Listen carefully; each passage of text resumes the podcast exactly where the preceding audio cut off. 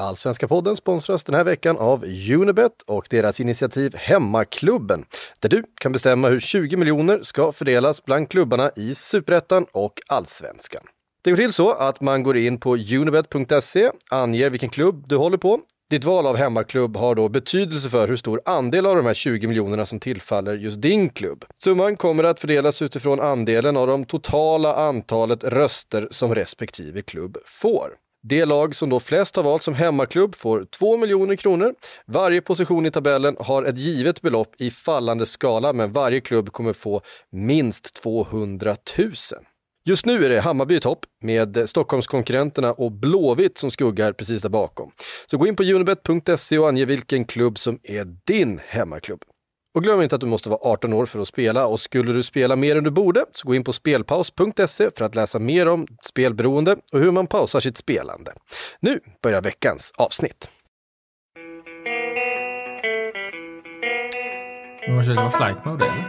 Mm, där var det. Jag glömt av det. Behöver inte. Så, spelar vi in nu.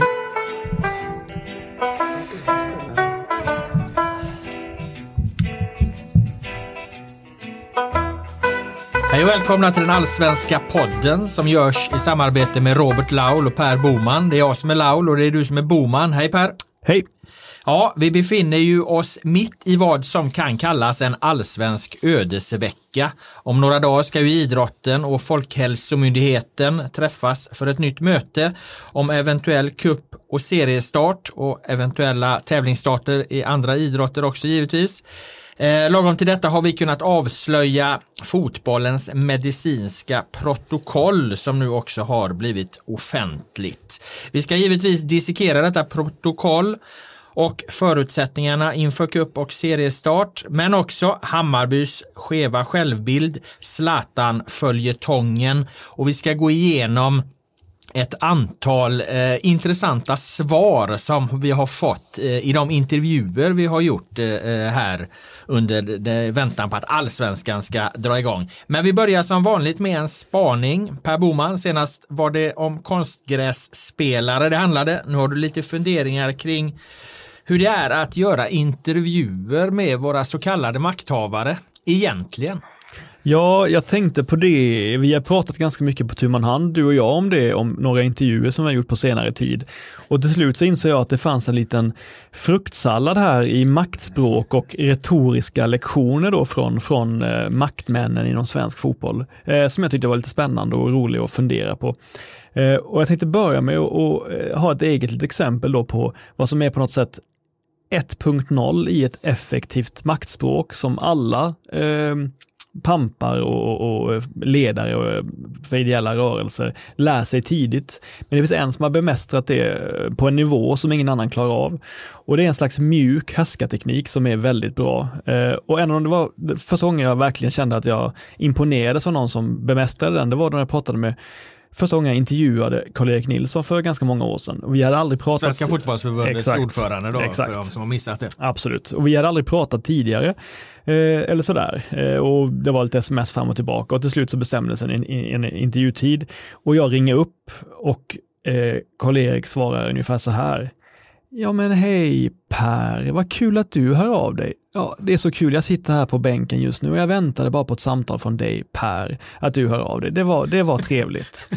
och det, det, jag blev, jag blev liksom vansinnigt imponerad av hur skicklig han var på att använda mitt förnamn som, som ett sätt att få en god kontakt med reporten. Och jag har aldrig, jag har aldrig pratat med någon eh, så att säga, maktmänniska inom svensk fotboll som har varit lika duktig på att använda förnamn som en isbrytare.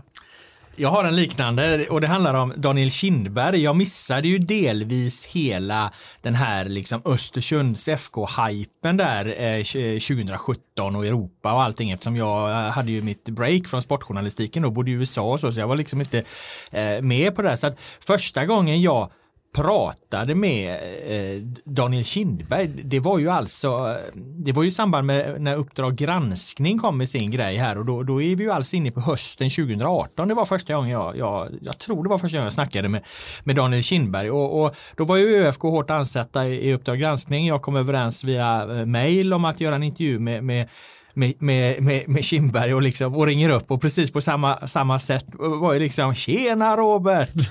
Alltså han, han är så jävla glad att, att just jag ringde liksom. Och det finns ju något ganska avväpnande mm. i det där för det, det, det, det, det är liksom det gör ju att du slänger ju inte ur dig de hårdaste frågorna direkt liksom mm. utan du får ju någonstans samla lite, lite eh, kraft så. Så att det, det, det, är ju, det är ju smart av de här liksom mm. och, inleda samtalet på, på ett sånt sätt. Men det är ju definitivt en utstuderad tanke bakom det eftersom man, det upprepas, man märker att de gör det hela tiden. Exakt, och det var då 1.0. Alla klarar inte av att göra det på ett bra sätt, men somliga har bemästrat det.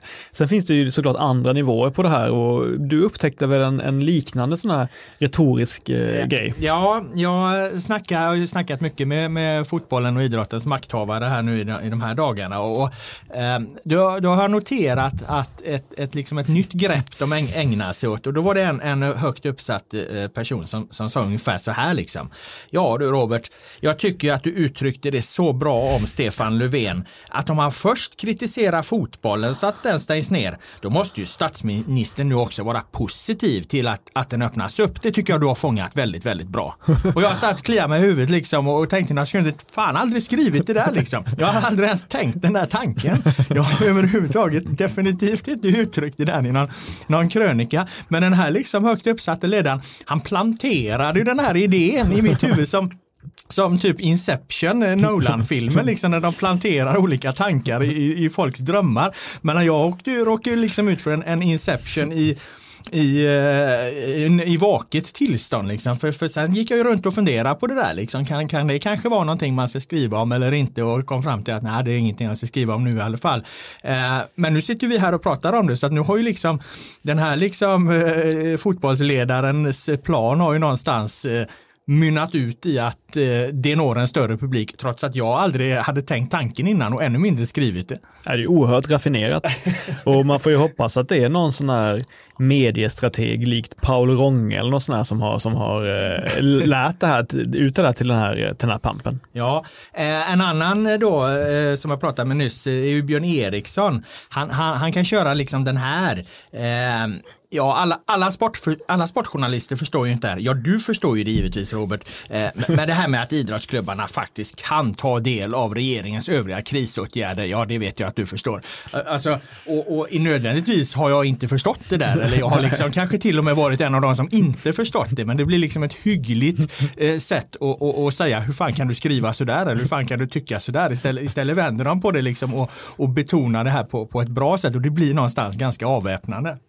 Eh, av, de, om de, av de tre som vi ändå har eh, pratat om just nu, vi pratar Kindberg, Karl-Erik Nilsson och eh, eh, Björn Eriksson. Vem är du mest imponerad av retoriskt om du bara snabbt ska försöka ge, lämna ett omdöme? Eh, ja, Daniel Kindberg skulle jag säga. Alltså mm. Daniel Kindberg i, i, under den här rättegången oerhörd. Eh, jag jämförde han med Olof Palmes, Olof Palmes tal vid något tillfälle där han ställde sig upp i rätten och, och, och drog någonting om hur ohyggligt synd det hade varit om honom och, och så han har försökt lägga fram sin sak så att överlägsen etta i, i min värld, Daniel Kindberg. Ja, det, det är bra. Det är bra.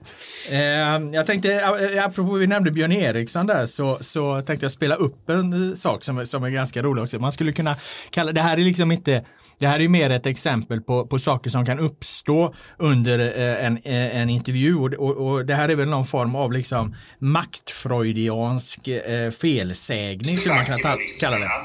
Att om det inte sker en förbättring så kommer jag inte att säga att de här pengarna vi fått räcker. Utan jag kommer den 11 juni och fatta beslutet, eller vår styrelse kommer att ta ställning till huruvida... jag kommer, från jag kommer den 11 juni fatta beslutet, eller vår styrelse kommer ta ställning till det.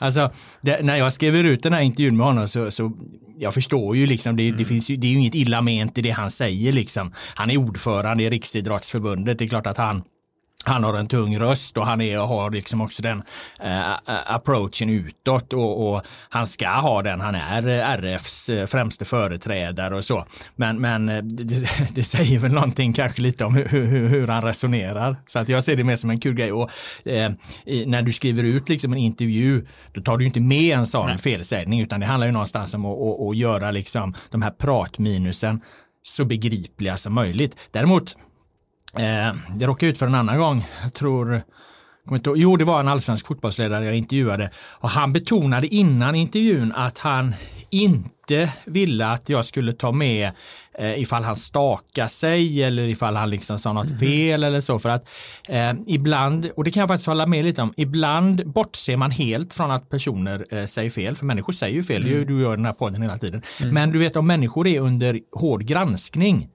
då kan de här liksom felsägningarna som egentligen inte betyder någonting användas för att, att, att uh, försöka påtala, titta vad osäker han är eller titta vad pressad hon är eller något sånt där. Förstår du vad jag menar?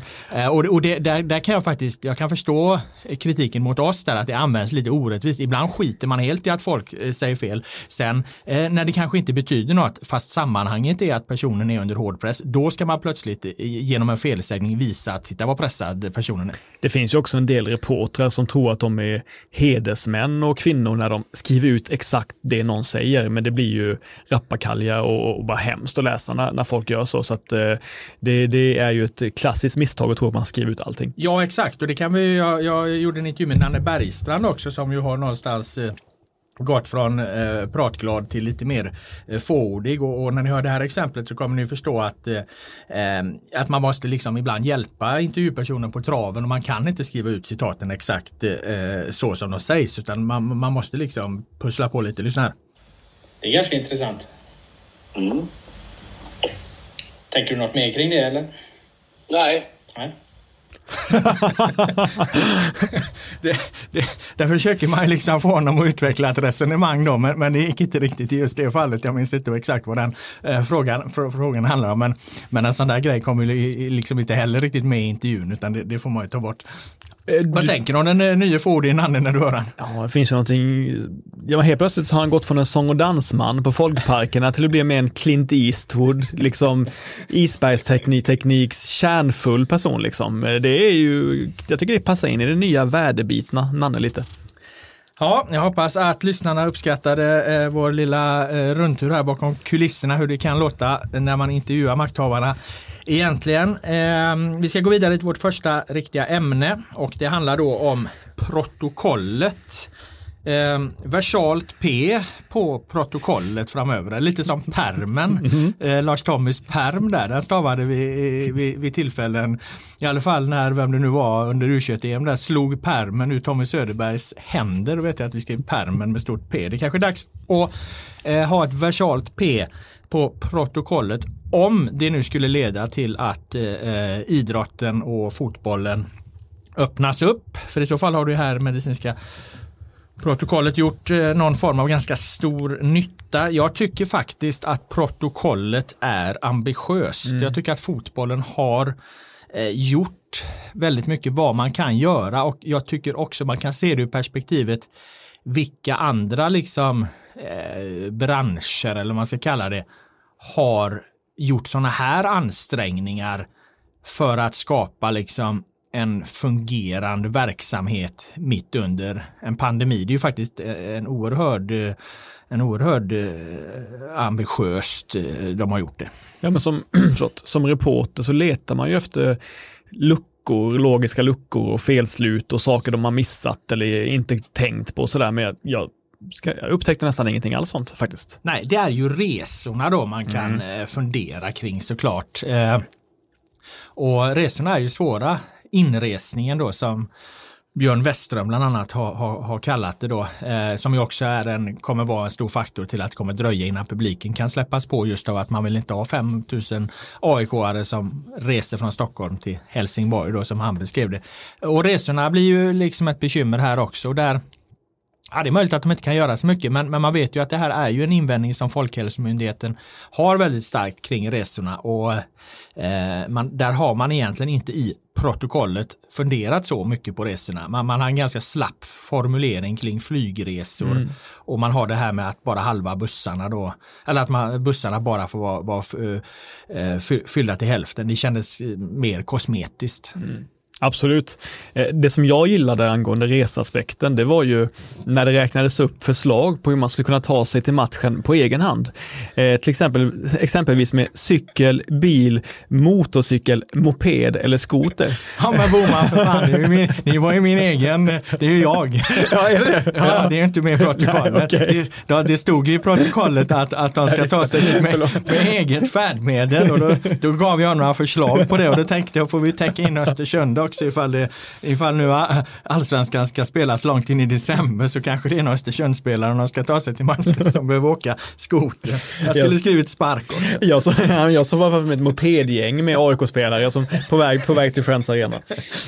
Uh, ja, Nej men utöver det så, så absolut, väl, verkligen ett gediget, eh, gediget jobb från, från fotbollsrörelsen. Sen är det ganska hårda regler liksom. Det är ju så här, eh, bara skadad spelare får vara i gymmet. Vissa rum får bara vara inne en person i samtidigt. Eh, så, så, där, och mycket ska helst ske utomhus. Alltså det, det, det ställer ju extremt hårda krav. Och någonting jag funderade på, det, säger, det sägs ingenting om vilka sanktioner eller vilka straff man kan få om man bryter mot de här reglerna, eller hur? Det tänkte jag på, förutom att man får inte spela när man är sjuk och så, eller men om klubbarna misslyckas med att upprätthålla vissa av de här aspekterna så finns det ju inga, ingenting som säger så hur man straffas i så fall. Nej, men däremot så är det en formulering där någonstans eh, som jag skrev ut i, i mm. jag tror första gången vi skrev om det, och det, det var just liksom om att eh, matchdelegaterna eller matchkontrollanterna, alltså de som ja, men håller koll på saker i övrigt, de ska ju även hålla koll på de här frågorna då, eh, alltså Svenska fotbollsförbundets eh, eh, matchdelegater, matchkontrollanter. Så att det, det, men det är riktigt så att det, det, det fastställs ju inte någon konsekvens av det. Mm. Eh, utan det, det är mer, så att det vet jag faktiskt inte. Det, det är ju en relevant inspel du har där, att man vet inte riktigt vad, eh, vad som händer. Men det känns ju som att det ligger väldigt mycket i allas intresse ja. att, att, verkligen eh, få, få, få ordning på det. Jag menar, det här medicinska protokollet som jag förstår liknande, och det här kommer till ligga till grund även för, att, för andra idrotter när de ska eh, starta upp här. Poängen är ju nu då att FOM ska godkänna det här medicinska protokollet och säga att okej, okay, vi kan släppa på idrotten under förutsättning att allt det här uppfylls för alla idrotter, för då kan FOM fortfarande ha kvar sin generella rekommendation för de vänder sig framförallt mot att de vill inte in och peta i 71 olika idrotter. Mm. Utan de vill kunna säga ingen senioridrott eller så vill de säga det är okej okay med senioridrott under, för, senioridrott under förutsättning med att eh, de här protokollen efterlevs. Och nu flyttar vi beslutanderätten till Riksidrottsförbundet eh, som någonstans får hitta ett system för det och då bryter man kanske ner det då i olika delegater, matchkontrollanter på respektive idrott och då kan det ju bli så hypotetiskt att eh, Eh, ja men säg att du har en kanottävling och så kommer någon, eh, någon kanotist före den andra kanotisten med, med en kanotspets. Men så visar det sig att de åkte 26 personer i bussen till matchen. Ja då kan mm. det komma en anmälan för det och så mm. blir han som vann diskad. Jag kan tänka mig rent hypotetiskt att den typen av situationer i så fall skulle kunna eh, inträffa om man ska dra det här väldigt långt. En annan intressant sak, det är det som du pratade om redan för två veckor sedan tror jag, det här med vad som händer om eh, ett helt lag insjuknar i corona. Vad, vad gör klubben då? Ja, då står det ju på svart och vitt då att då får man ställa upp med vilka de spelarna som finns i föreningen helt enkelt. Det kan bli ett helt juniorlag som, som eh, i Malmö som får möta AIK om hela laget skulle insjukna. Och det är inte omöjligt att det blir sådana epidemier då i, i en trupp. Nej, det är, inte det, det är absolut inte omöjligt och vi är ju absolut inga experter på det här med smitta så, man ska liksom inte spekulera så mycket. Men det man kan titta det är att titta liksom lite empiriskt ändå. Hur, hur har det fungerat de här månaderna? Ja, det har inte mm. varit, mm.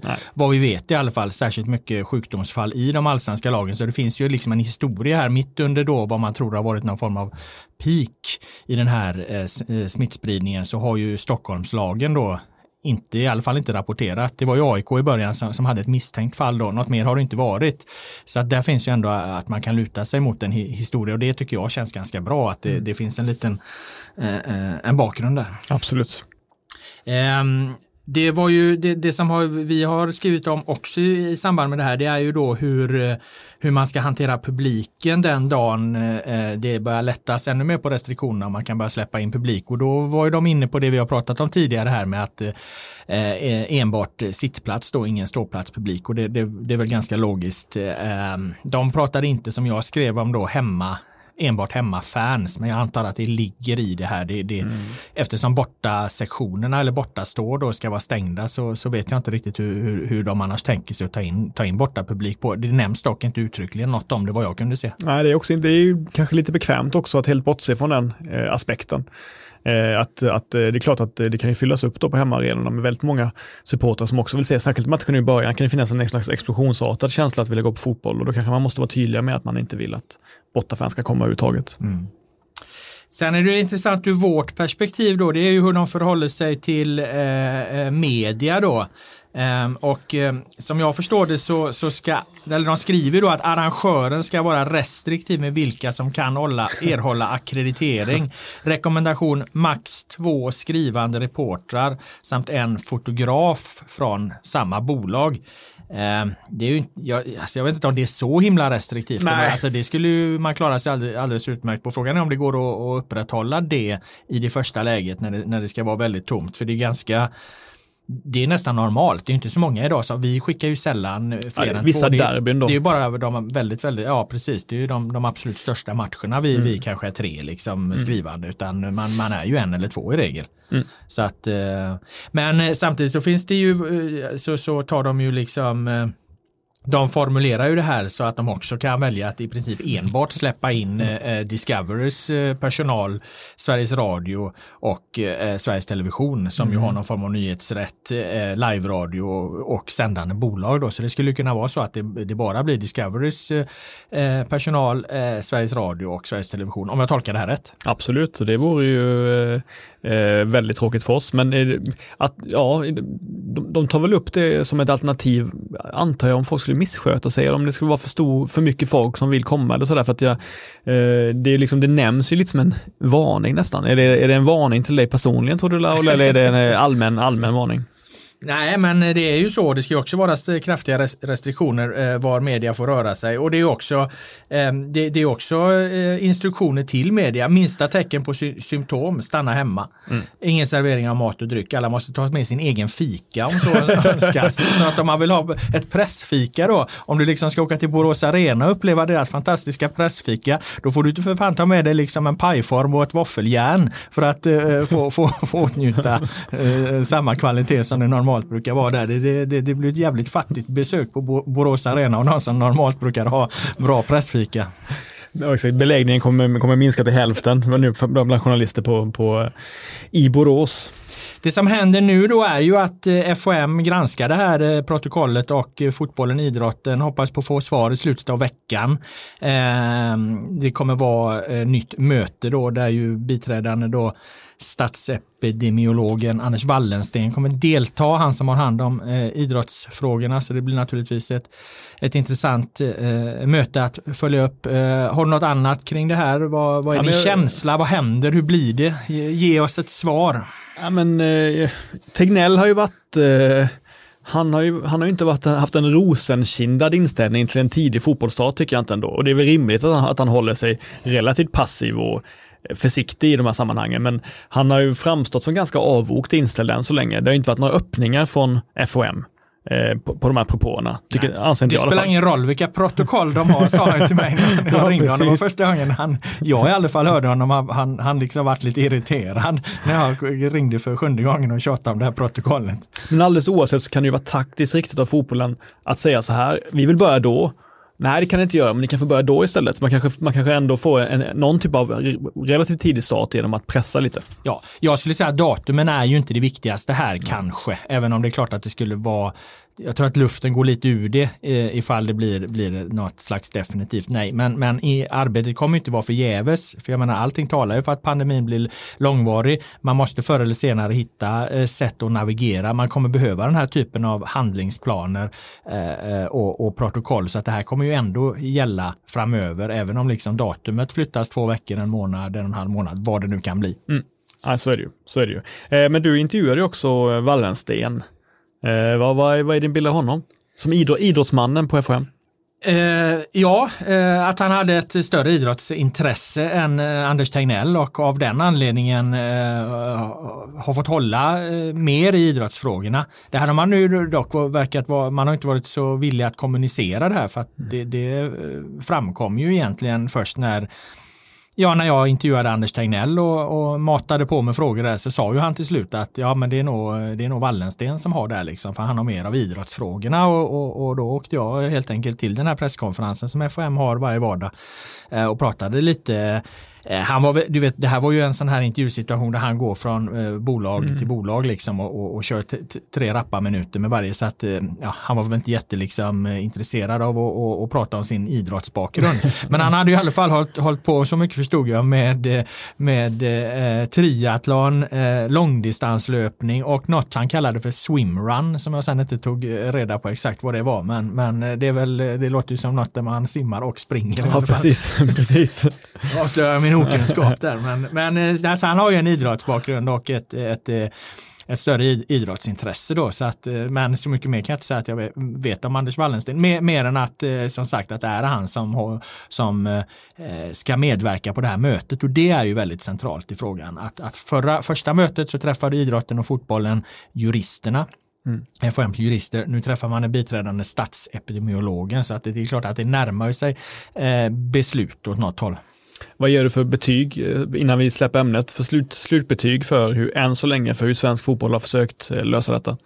Eh, nej, men jag tycker att de har hanterat väldigt, väldigt bra som jag var inne på. Jag tycker att protokollet är ambitiöst och eh, vi avslutade den förra podden med att jag såg en, en, en konflikt som eh, eh, var på väg här och eh, så har det ju varit. Det har ju liksom tisslats och tasslats och gnisslats en del i, i korridorerna och sen gick ju den här då, vad fan han nu hette, den här eh, SOK-läkaren mm, ut mm. liksom och drämde till Björn Eriksson och menar på att Björn Eriksson är en myndighetsperson uppfostrad att inte ifrågasätta myndigheter. Det var ganska...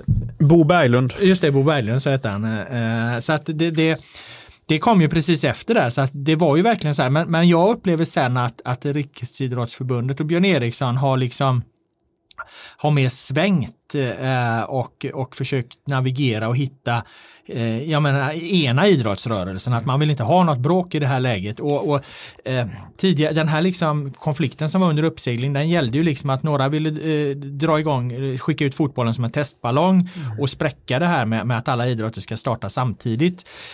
Medan det har liksom ville varken FHM eller Riksidrottsförbundet egentligen. Nu har man ju hittat någon annan slags lösning att, att, att man ligger kvar med en generell bestämmelse men flyttar beslutande makten till RF då, så det är ju någon form av, av, av kompromiss. Då är det ju fortfarande en generell bestämmelse, men man, man måste via medicinska protokoll, handlingsplaner upp, uppfylla kraven. Så att det är ju ett sätt att, att mota Olle i grind. Så att den här liksom konflikten som, som var under uppsegling, den, den har jag idrotten hanterat eh, ganska bra här och nu känns det ändå som att man står, står ganska enad här och, och eh, egentligen liksom When you're ready to pop the question, the last thing you want to do is second guess the ring. At BlueNile.com you can design a one-of-a-kind ring with the ease and convenience of shopping online. Choose your diamond and setting. When you find the one, you'll get it delivered right to your door. Go to Bluenile.com and use promo code LISTEN to get $50 off your purchase of $500 or more. That's code LISTEN at Bluenile.com for $50 off your purchase. Bluenile.com code LISTEN.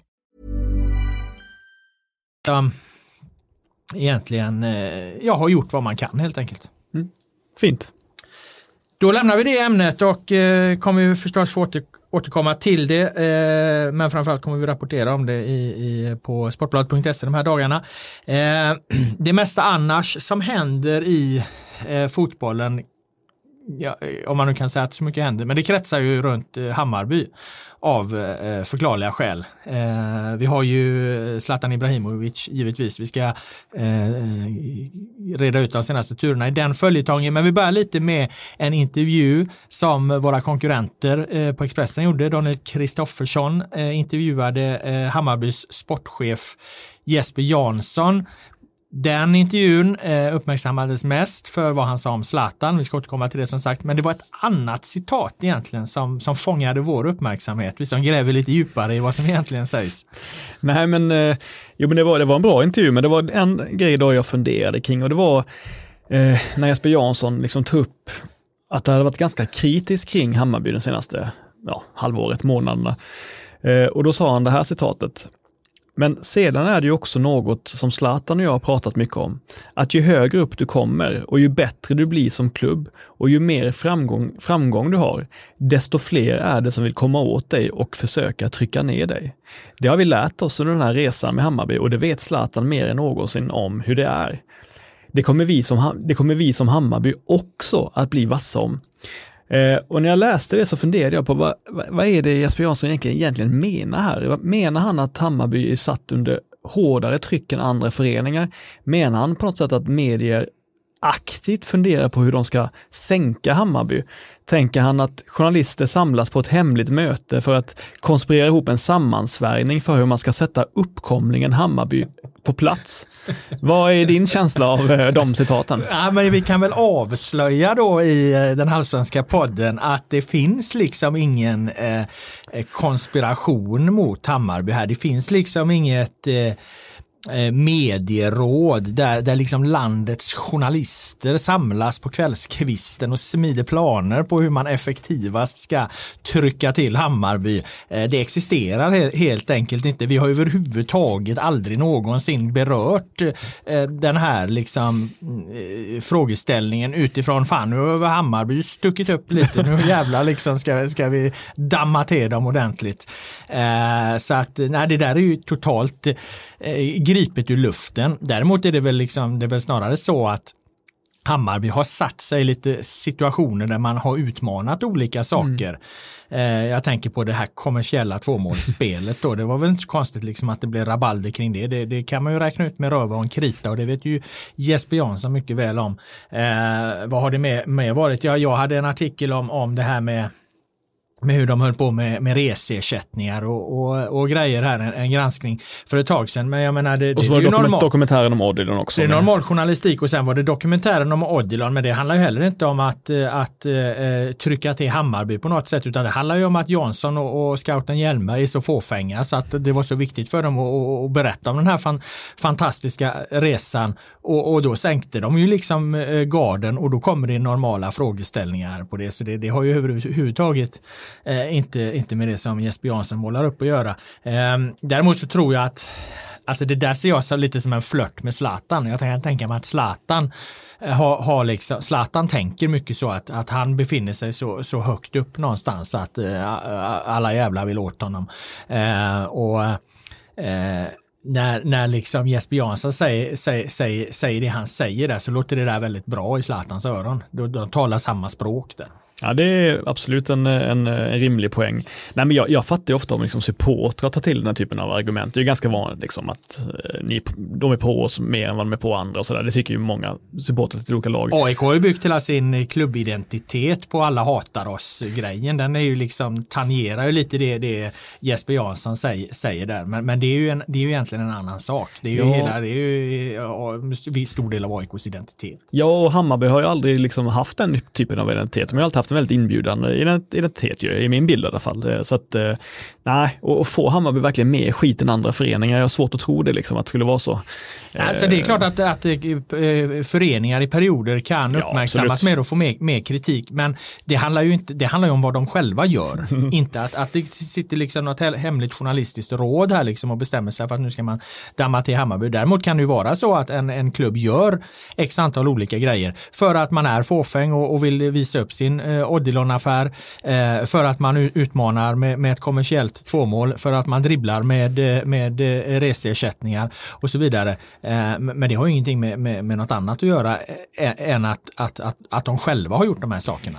Jag tycker det är inte så att hade de inte gjort de här så hade medierna hittat något annat. Det är inte så det är, utan det är ju, det är ju händelserna som styr bevakningen. Ja, och jag tycker Hammarby ska vara stolta över att de har varit riktmärket som allting har kretsat kring nästan under den här våren på något sätt. De har ju haft total dominans i, i publicitet på alla sätt och vis under den här allsvenska våren. Det är ju någonting som har varit väldigt, i stort sett varit väldigt bra för föreningen tror jag. Liksom. Och det är klart, det kommer, då kommer det ju komma med lite, med lite skit rensa magen. Liksom. Det kommer komma, komma, komma med en del negativt också då, men i stort sett så har ju Hammarby tjänat mycket på att vara den här totalt dominanta klubben under hela våren. Ja, och framförallt att det skulle finnas eh, eh någon form av organiserad liksom, kampanj mot Hammarby. Det är det jag menar. Där, har Jesper, Jan, där ger Jesper Jansson uttryck för en, en väldigt, väldigt skev självbild mm. Eh, eh, hos eh, Hammarby och den tror jag inte kommer gynna dem. Men däremot är det precis som du säger, det är ju runt Hammarby rapporteringen har eh, kretsat och största anledningen till det är förstås eh, Zlatan Ibrahimovic, delägaren. Eh, det har varit eh, nya turer i den följetongen. Eh, I samma intervju då så säger ju Jesper Jansson att eh, det finns en chans att han spelar för Hammarby under 2020. Eh, och ja, det, det drev ju på spekulationerna på nytt då efter att spekulationerna hade liksom dämpats lite.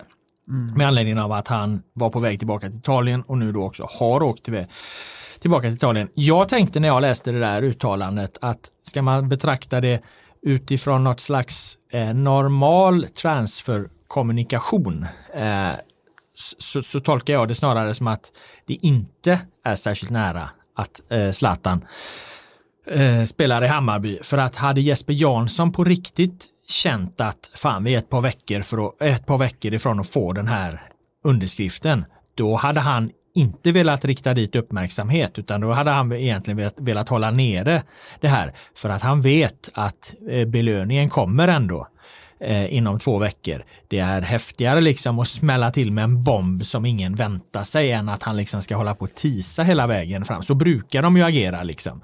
Eh, jag, jag, uppmanar, eller jag upplever att det är svårare att få få liksom citat av eh, eh, klubbledare ifall något verkligen är på väg att bli verklighet än om, än om de är väldigt osäkra. Så att eh, jag, jag tolkar det snarare som, som att eh, ja, det, det kanske inte är så stor chans ändå, men att eh, Jesper Jansson vill, vill eh, ja, men pa, passa på liksom och, och, skapa eh, bra snack runt Hammarby ändå. Hade det verkligen varit något på gång så hade han hållit käft. Men jag vet inte, det här är ju inte en normal situation och jag tycker att bortser man från vad han säger och bara tittar på situationen som den är så, så vore det ganska logiskt om Zlatan gick till Hammarby. Det, jag har haft inställningen hela tiden att det har varit ett alternativ för honom. De andra alternativen verkar inte eh, ha stärkts. Och det som egentligen har talat mest emot att Zlatan skulle spela i eh, Hammarby utöver hela coronasituationen och så här. Eh, det är ju den här konstgräsfrågan. Nu har han gjort x antal träningspass på, på Eh, på konstgräs. Han har, spelat, han har testat i ett kommersiellt tvåmålsspel på, på, på Tele2. Han kanske kommit fram till att jag kan göra mig själv rättvisa här. Jag tror att någonstans, det, det, han måste känna att han kan leverera 100% på den här plasten. Mm. Eh, det är då Hammarby kan bli första huvudalternativet.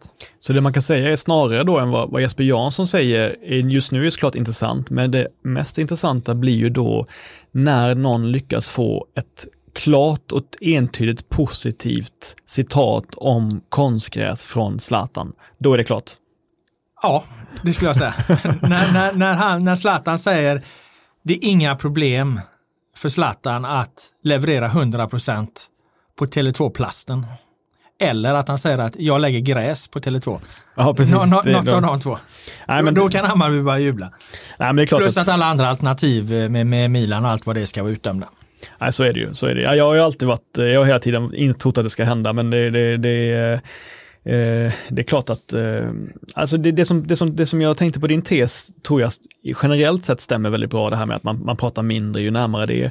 Samtidigt så har du också haft en annan tes om, om eh, sportsliga ledningen i Hammarby. Det är ju att det finns en, en liten, liten, kanske då liten skärva av fåfänga då. Eh, och då tänkte jag att... en liten skärva av fåfänga, vad fan var du blev försiktig. Ja, en stark fåfänga i, sam, i samband med till exempel dokumentären om Modlon. Då tänker jag att det, det är ju en klassisk fåfäng grej också att prata om med Zlatan. Han kan inte sättet. hålla sig Jansson menar du? Exakt, i så fall ja. Ja, det skulle kunna vara så också. Men eh, ja, vi får se helt enkelt. Det kommer, det kommer komma mer indicier och mer grejer fram och tillbaka så vi kommer ju återkomma till det här ämnet. Eh, det kommer vi absolut göra. Eh, något som vi har ägnat eh, den här tiden åt eh, när det inte är några fotbollsmatcher, ingen liveidrott, ingenting. Det är att göra intervjuer med olika eh, allsvenska spelare, profiler, talanger, stjärnor i de olika lagen. Vad fan, är vi, måste vi upp i en 20-25 intervjuer nu eller? Absolut. Eh, senast vi gjorde var Örebro SK. Eh, vi pratade med bland annat Nordin Gerzic eh, som bjöd på en hel del. Han pratade eh, positivt om eh, Örebros guldchanser vad sa han? Ja, men det är intressant för att eh, generellt sett så vi jobbar ju mycket med plusmaterial och betalmaterial och ofta tror ju folk som läser tidningar att, att tidningar säljer mycket grejer och ex, exemplar och abonnemang och sånt på negativa saker. Men generellt sett så brukar positiva saker alltid vara mer framgångsrikt. Men eh, nu var det då så att Nordin Gerzic sa, eh, jag, han fick frågan, när vinner ÖSK sitt första SM-guld? Och då svarade han, i år. Det hoppas jag. Det måste hända någon gång. Jag vill vinna allsvenskan varje år och det är vad jag strävar efter. Han säger helt enkelt att eh, Örebro siktar på guld 2020. Och det tänkte vi, oj, häftigt. Så vår fina, duktiga redaktör Andreas Lagnelius gjorde en stor puff då som det heter, där det stod eh, någonting med ja, eh, Gerzic, eh, i år tar vi guld liksom. Eh, vilket vi tyckte var bra. Och i vilken annan klubb som helst så hade det eh, genererat en enorm läsning och många nya personer som skulle skaffa plus då.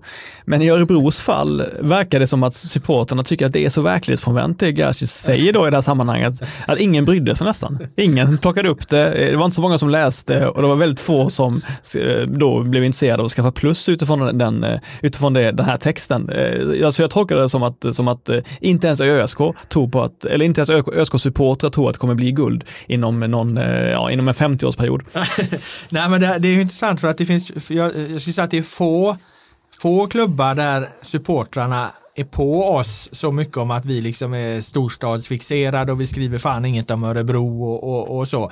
Och här gör man liksom en, en eh, kraftsamling och, och, och eh, tre genomarbetade intervjuer med, med Örebro-spelare och så bryr de sig ändå inte trots att de då får, får det här guldcitatet så att säga. Så att det här är ju kraftig bakläck, bakläxa till alla ÖSK-fans där ute som eventuellt lyssnar, lyssnar på det här. Att eh, jag menar ska Ska, ska det bli mer rapportering om Örebro då, då måste det liksom också betala sig för oss att vi fokuserar på eh, Örebro. Det har ju varit väldigt mycket mer, eh, mer försäljning och läsning på Kalmar exempelvis som är väl en motsvarande klubb och även Elfsborg har ju gått mycket bättre än Örebro. Så det är just Örebro som har gått dåligt. Svarta fåret. Ja, så att eh, fansen där i Örebro de får bestämma sig vilket ben de ska stå på. Antingen vill de att eh, Sportbladet ska skriva om dem eller också så skiter de helt i det. Det jag tänkte på, som jag tog med mig mest från ÖSK-grejen annars, det var ju att vi har en ny en ny anfallsfirma i det här landet. Det är Jack Lane och Jake Larsson och de kommer från och med nu alltid kallas Jack and Jake. Ja, det är jävligt bra. Jake and Jack eller Jack and Jake. Mm. Eh, jag hade ju en, en gammal anfallsduo där som lät som en, en, eh, advokatbyrå. Det var ju då Boman och Baldvinsson i, i Halmstad innan Boman gick till eh, Blåvitt. Boman Baldvinsson låter som en klassisk advokatbyrå. Det här låter ju mer som ett eh, superhjältepar, Jack and Jake. Absolut. Eller möjligen ett klädmärke, men det var Jack and Jones man tänker på. Det som var lite intressant där, det var väl var varför, varför alltså Jack Eh, mm. Har ju folk eh, hetat sen uh, Ulf Lundell skrev sin roman eller på att säga. Men uh, Jake är o, ett ovanligare namn. Jake Larsson. Fick vi någon klarhet i vad fan han hette Jake för? Ja, det blev ju så. Vi, vi ställde frågan Jake, vad är det för namn egentligen? och då svarade han, det ska, ni, det ska ni fråga mina föräldrar. Men det är en bra fråga. Jag tror att min morsa tittade på någon tv-serie där fanns det någon kille som hette Jake. Hon tyckte det var fint. och då ställde vi frågan, skulle du hellre heta Jack som Jack Lane? Nej, hellre Jake än Jack, svarar han då. Så att han, ändå, han står ändå fast vid namnet Jake. Och det jag vill, det är att eh, våra lyssnare gärna eh, försöker fundera. Han är född 99, så vi funderar på att ja, det måste varit någon gång mellan 97 och 99 som Jake Larssons mamma såg en film eller tv-serie med en karaktär som hette Jake. Alltså den jag snabbt kan komma på det är ju, det är, det är ju Jake and the Fat Man och det handlar väl om, han var väl någon form av uh, brott brottmålsadvokat. Eh, eh, och så hade han en, en, en bulldog till hund. Den gick i USA på slutet 80 och, och under 90-talet. Jag tror att den, den, måste ha gått i Sverige under den här perioden, Jake and the, and the Fat Man. Rättvisans män. Ja, precis. Den hade en, en, en, en eh, rätt mycket sämre svensk titel. Eh, det kan ha varit den serien. Jag vet inte fan vad det finns för tv-serier där folk heter Jake. Den slutade sända i, i 92 i USA då. Men den kan ja, ju men den fortsatte gå sen i Sverige. ganska säkert ja. på att den typ gick på eftermiddagarna på kanal 5 eller något sånt eh, annat eh, lågtittar, lågtittartid. Ja men det är bra, vi hoppas på det och så har ni några andra förslag får ni gärna mejla någon, någon av mig och Robert. Absolut. Eh, ett annat citat eller ett annat svar som sticker ut från de här intervjuerna vi gjorde det är ju i IFK Norrköping där vi intervjuade talangen Isak Bergman Johannesson. Vad sa han? Jag har världens bästa psyke. Det var ja. i alla fall något åt det hållet. Ja, nästintill. Alltså, jag måste säga att han är ju bara 17. Han har varit med och spelat A-lagsfotboll sedan han var 15 ungefär och är ju den som vi har utnämnt till allsvenskans största talang eh, och som, som i hela Sverige verkar anse vara det. Han då jagades av stora utländska klubbar. Han valde Norrköping och, och, och har verkligen siktet högt då eh, och är hyllad av Jens Gustafsson och kommer förmodligen få mycket speltid i år. Men Ehm, jag frågade så här, eller vi frågade honom, vilken är din största styrka som, största styrka som spelare? Och då sa han så här, jag skulle säga att det är mitt mentala fokus, det sticker ut. För att vara 17 år gammal är det bäst. Jag är bäst i Europa i min ålder, mentalt sett. Och då, ställ, då, då frågade vi, bara så att vi citerar det rätt här vi Isak, du säger att ingen annan i Europa i din ålder har samma mentala styrka. Ja, precis. Så att eh, med det citatet liksom, eh, så jag tror att jag tror, jag ser framför mig att han spelar i Barcelona inom, inom fyra år. Ja, och jag tror det ligger väldigt mycket i det här citatet, för, för de andra vi intervjuade i Norrköping, eh, de pratade just om det att de hade aldrig sett en ung spelare och då talar de inte om det han gör på plan bara, utan mm. just om det hur han, hur han är vid sidan av plan med kosten, med sömnen, med fysträningen, med allt det här. Och jag menar, det kräver ju ett oerhört psyke, det kräver en, en, en, en mental förmåga att eh, offra så mycket man, eh, man ju trots allt får göra i de här åren. 17-18, då är en hel del annat är, är, är rätt kul. Va? Jag tänker mig att eh, Isak Bergman Johannesson inte trimmar särskilt många mopeder till exempel som en annan höll på med de där åren. Eh, och, och, och, allt annat elände man nu ställer till med. Liksom. Så att eh, eh det är klart att det, det, kräver en mental styrka att välja bort det där till, tills vidare för att, för att ge idrotten en, en ärlig chans. Och jag menar, ska du bli lite idrottsman, ska du bli en av världens bästa spelare. Jag menar fotbollen blir mer och mer eh, eh, alltså, eh, atletisk, det ordet jag söker liksom. Eh, backar du må många år så kunde i princip vem som helst bli fotbollsspelare. I, i, idag måste du ha en djävulsk fysik. Mm. Mm. Och den, eh, den grundläggande för den är ju att du bygger upp den i, i de här åren. Ja, och liksom på frågan vad vill du vara om fem år så var han otroligt tydlig. Om fem år är jag 21 eller 22, det är också sjukt att höra någon säga det. Eh, då vill jag ha spelat för mitt A-landslag och tagit en startplats i, i den elvan då, eh, landslagselvan. Dessutom så ska jag spela för någon av de fem bästa ligorna i Europa. Alltså i, i en klubb då i någon av de fem bästa ligorna. Det är mitt mål. Väldigt många undviker att svara på den typen av frågor för de vill inte sätta press på sig själva. Men vi vet ju att Isak har, har den bästa, största mentala styrkan av alla i, i den åldern i hela Europa, så att han, han tvekar inte. Nej, men mm. det blir jäkligt kul. Sådana där citat är alltid roliga att gå tillbaka till sen också, där det har gått ett par år. Det är mm. roligt att intervjua de här unga och, och titta på vad de sa. Um, en annan ung spelare som, vi har inte publicerat det än, men vi kan ju tisa lite om att eh, till alla Mjällby-fans då, att vi är på gång med, med intervju på Mjällby här också, nykomlingen Mjällby. Och det handlar ju någonstans, det var Besat Sabovic som vi snackade med, eh, Djurgårdsspelaren, och utan att avslöja för mycket vad, vad den intervjun kommer att handla om, så kan jag säga att det verkar som att Mjällby, de har ett jävla självförtroende inför den här säsongen. Mm. Alltså att, att slå ut Djurgården här ur kuppen det har, har gett dem råg i ryggen, den saken är klar. Sen har vi pratat ganska bra om, om Mjällby och de känner väl någonstans att, eh, att de har något på gång och Sabovic beskrev ju det här som liksom att de är ett ganska eh, ungt lag där alla har samma mål och hunger och, och, och krigar och drar åt eh, eh samma håll. Så att eh, ja, alltså de, de, han, han pratar nästan om att de ska på, på seriöst om att de här, det, det var ett lag, ett lag som ska utmana i toppen alltså. Mm. Och då talar vi om en allsvensk nykomling. Eh, så de har en djävulsk tro på sig själva på, på Listerlandet. Ja, jag tror ju på Mjällby, men nu börjar jag få lite ångest över att det har blivit för, ja, att det har blivit för mycket hype, liksom att man kanske har delvis hjälpt till att bygga upp någonting, alltså en, en ballong som kommer, som kommer spricka sen lagom till seriestart. Jag tror framförallt att det var den här segern mot, mot Djurgården. Djurgården som var väldigt skickligt utförd. Absolut. Så att jag tror framför allt att det är det, det, det handlar om. Nu har vi inte intervjuat alla i, i eh, men vi har fått stuva om lite där. Var det Batanero som ville göra en sms-intervju? Ja, exakt. Han var osäker på sin engelska så att, eh, då fick vi stryka Batanero för sms-intervju får, får vi ingen fart i. Så vi, eh, Tänk om han är en fantastisk eh, verbal Skribent, ja det är möjligt. Som, som svarar oerhört vackert på, Eh, på sms. Men det blir åtminstone Moses Ogbo och så blir det också David Lö, eh, Lövqvist förmodligen. Och det Löken. Löken, ja precis. Och det vi framförallt vill veta med Löken är att när blev han, gick han från en, en rivig ytter och en hårdskjutande anfallare till en Andrea Pirlos, eller vad säger Listerlandets Andrea Pirlo som, som, som med låg vilopuls eh, sköter om eh, passningsspelet. Exakt. Det ska bli intressant. Vi hade lite planer på att eh, intervjua eh, Löken som stjärna, profil och talang och göra tre intervjuer med Löken. Men vi tänkte att det kanske blir tråkigt för Mjällbyfansen. Det är roligare för dem att få läsa om tre olika spelare. Ytterligare en grej som jag också skulle gärna vilja ha hjälp från lyssnarna, det är att jag minns inte någonting Löken gjorde i Malmö FF. Så om någon har något enskilt minne så får de gärna mejla in det, så kan vi ta upp det nästa vecka. Han spelade där 2012. Eh, Eh, det som har, kanske har eh, fått mest uppmärksamhet eh, i den här intervjuserien då, det är ju ändå den här liksom eh, eh, diskussionen mellan Jonathan Levi i Norrköping och Viktor Elm i, i Kalmar där eh, först Levi på ett ganska detaljerat sätt eh, beskriver hur han blir sparkad i huvudet av framförallt Viktor Elm men, men ja, han uttryckte att, han blev, att det var båda Elm som hade sparkat honom i, i skallen i, i, matchen här i somras var det väl när, när Kalmar och då Elfsborg möttes.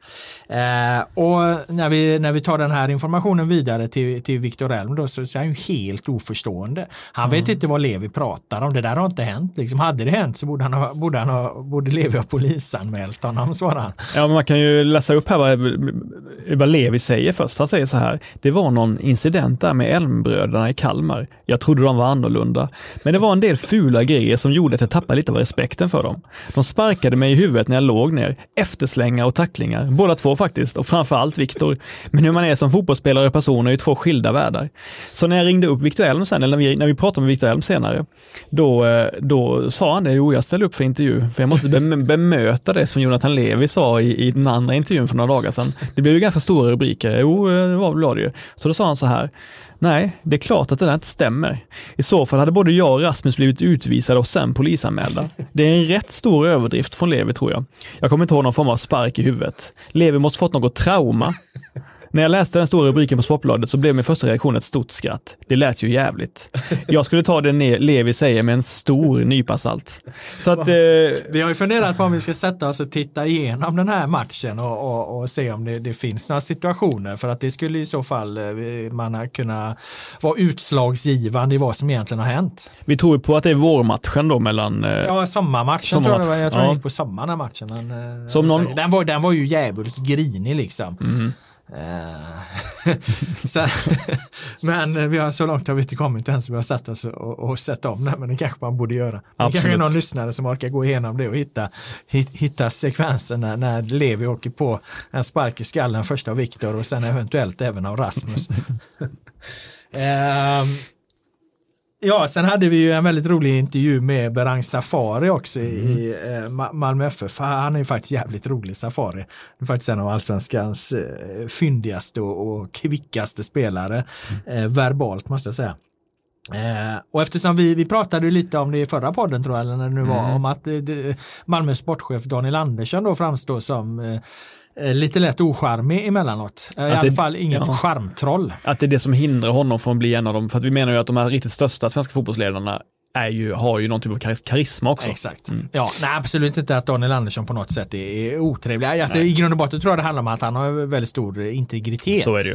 Eh, men, men det är ju precis som du säger, ska du bli någon av de här liksom som verkligen går igenom bruset så måste du nog vilja synas lite också. Du måste liksom gilla att stå där i i frontlinjen och ha strålkastaren riktade eh, emot dig. Eh, och det, kan man väl inte anklaga Daniel Andersson för. Men då ställde vi i alla fall frågan till Berang Safari. ehm, eh, ja, vad fan frågade vi? Hur, ja, hur tråkig är han? Handen på hjärtat, Ja, borde Daniel Andersson gå en skärmkurs? Så var det vi formulerade frågan. Och då svarar han, skärmkurs, vad fan, jag tycker han är jättecharmig.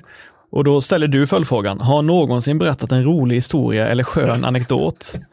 Och då svarar Safari utan att skämta, det gjorde han för tre dagar sedan. Jag kan inte berätta den, men den var faktiskt jävligt rolig, men den var mellan oss.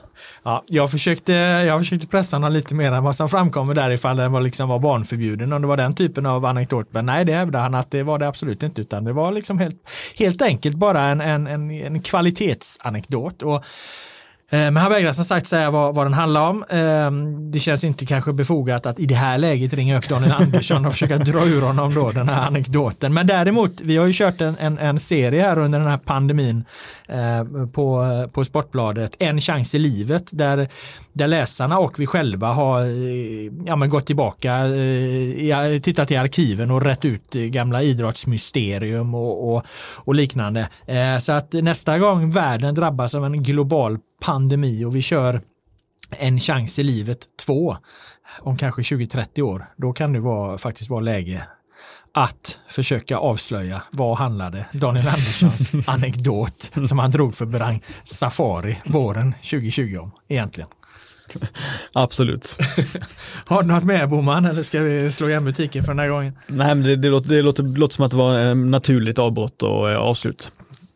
Då var det det vi hade idag. Jag tackar dig Per som är här med dina kloka synpunkter och åsikter som vanligt. Jag tackar alla er som har eh, lyssnat. Den allsvenska podden är tillbaka nästa vecka. Nu blir det The Village Stompers med Washington Square igen.